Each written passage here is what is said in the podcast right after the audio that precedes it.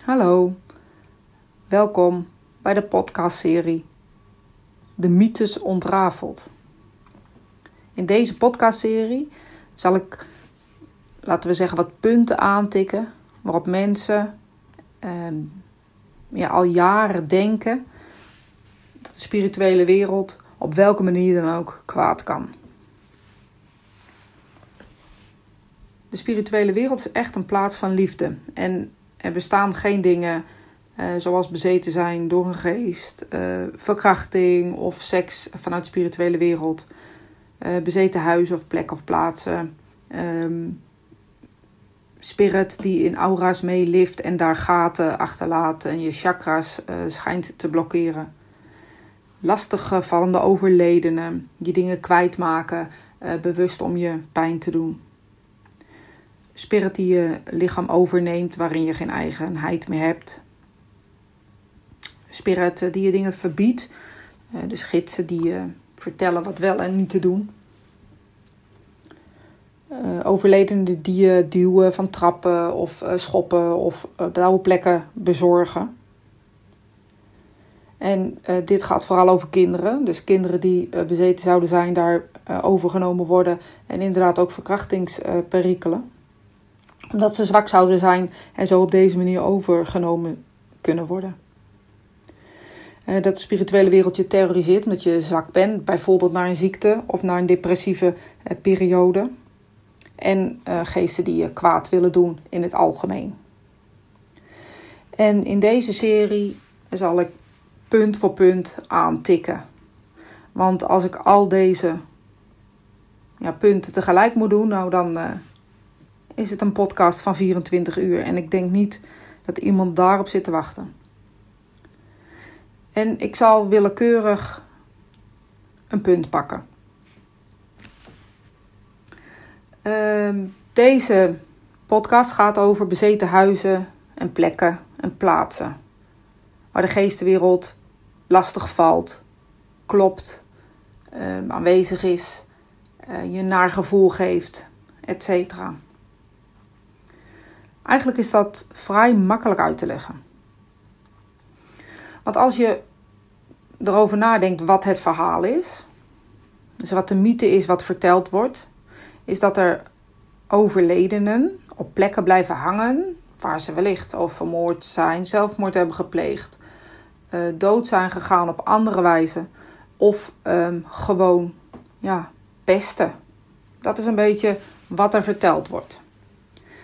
Uh, nu kan ik me voorstellen dat als er dingen in je huis gebeuren, als kloppen, deuren die opengaan, televisies die aan en uitgaan terwijl ze niet in het stopcontact zitten, radio's die beginnen te spelen en wederom niet in het stopcontact zitten, dan kan ik me voorstellen dat het je angst, angstig maakt. En vooral door deze verhalen die verteld worden, deze mythes, want dat is wat het zijn. Jaren en jaren uh, wordt hier, hè, eeuwen, eeuwen in de Bijbel, et cetera um, wordt het man op man verteld.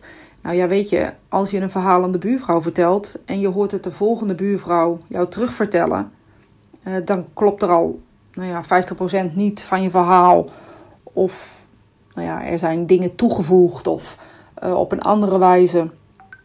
Um, ja, dingen, nou laten we zeggen, die niet waar zijn of die verzonnen zijn of woorden die toegevoegd zijn. En dat doen we allemaal tenslotte. Weet je, als iemand jou iets vertelt, uh, dan is één woord voldoende om het hele verhaal te veranderen. Dat, dat is gewoon mens eigen. En het is ook ons hoofd die dat doet. Maar terug naar de bezeten uh, plekken. Als er iets is uh, wat je aanjaagt, of angst aanjaagt, sorry, dan zal je merken dat je hoofd er daarbij komt. En dat dan al die verhalen die in al die eeuwen verteld zijn, je eraan plakt. Ook omdat dat is wat je dus gehoord hebt. Je hebt nooit die tegenbeweging gehoord. Of in ieder geval niet genoeg, bijvoorbeeld. De andere kant uh, was een harde roepende uh, kant.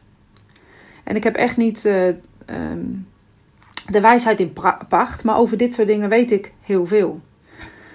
En waaronder um, nou, deze mythe. Dus bezeten plekken, bezeten huizen, bezeten plaatsen.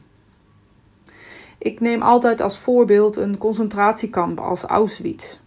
Dat is een plek waar letterlijk de angst, alles wat daar gebeurd is, nog gevoeld wordt. Mensen die daar komen hebben een akelig gevoel. Ook al zouden ze met een blinddoek er doorheen lopen, dan nog voelen ze ja, alles wat daar gebeurd is. Al die mensen die daar zijn vermoord, al die mensen die, nou ja, weet je, wat is er allemaal gebeurd met ze? Dat hoef ik niet te vertellen. Dat staat in de geschiedenisboeken uh, geschreven. En die horrorscenario's op die plek, die voel je. En dat is ook eigenlijk uh, direct wat er gebeurt. Dat wat daar gebeurd is, dat voel je. En ik zou bijna zeggen, denk er eens over na. Weet je, denk daar eens over na. Dus alles wat daar gebeurd is, dat voel je. Als je daar toch vermoord bent op zo'n gruwelijke wijze. En alles wat daar gebeurd is en alle horrordingen die je daar gezien hebt. En je bent overleden. Hè, 9 van de 10 waren vergast. En weet je, wat zou je doen? Zou je daar dan blijven? Zou je dan op die plek jezelf laten zien, jezelf laten voelen?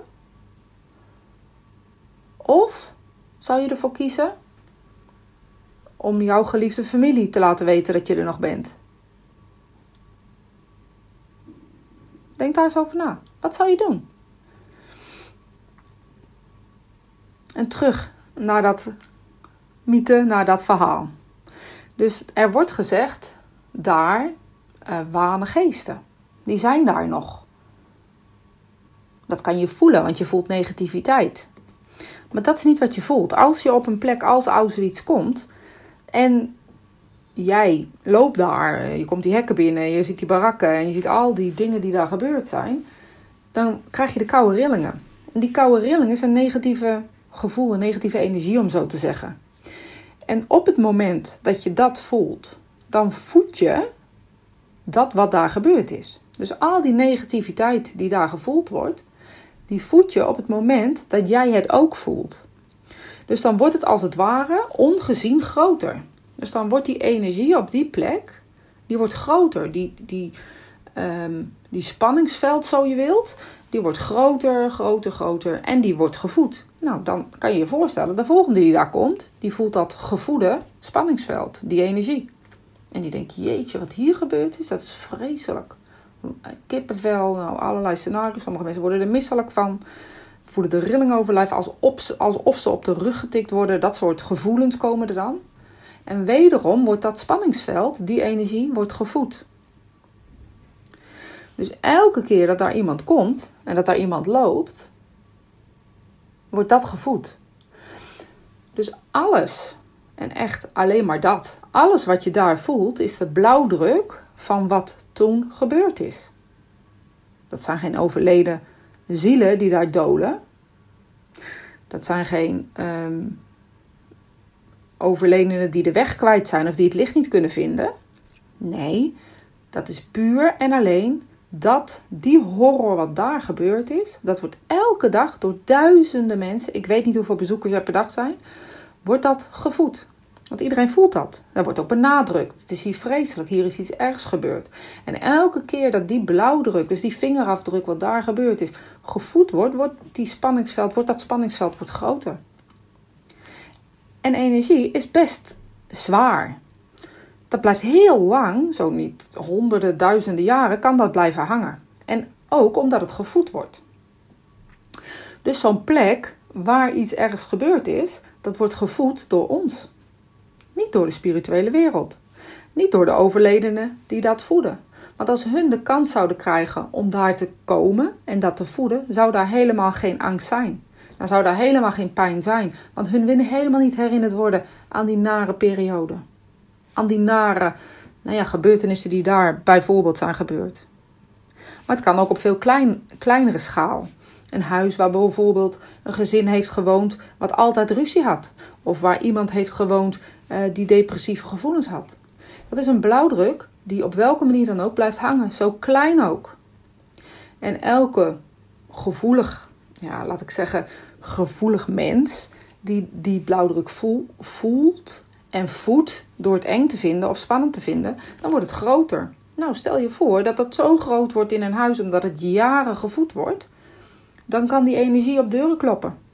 Dan kan die energie het gevoel geven alsof je door een muur loopt, alsof je ergens niet doorheen mag of kan. Dus al die verhalen zijn eigenlijk heel makkelijk terug te brengen. En het is heus niet zo dat onze overledenen niet bij ons zijn. Maar onze overledenen zijn niet gebonden aan een plaats.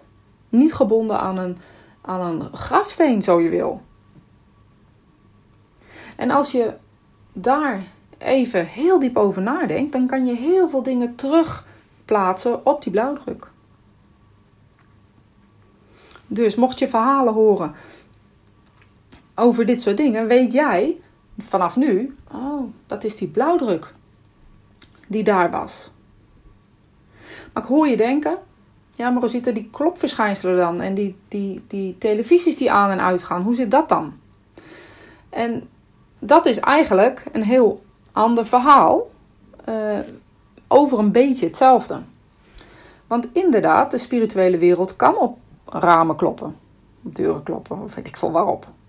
Inderdaad kan de spirituele wereld televisies aanzetten die niet in het stopcontact zaten. Maar dat is puur en alleen om je te laten weten: ik ben er nog en ik hou van je.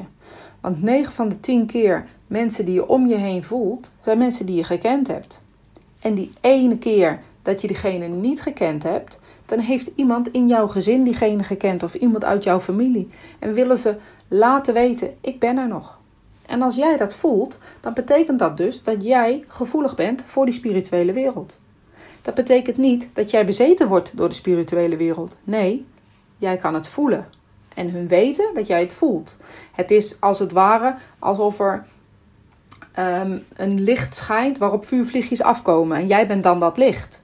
En hun zijn dan de vuurvliegjes en willen je laten weten: ik ben er nog en ik hou van je. Ik ben er nog en ik zorg voor je. Ik ben er nog en ik wil je laten weten: het leven stopt niet bij de dood.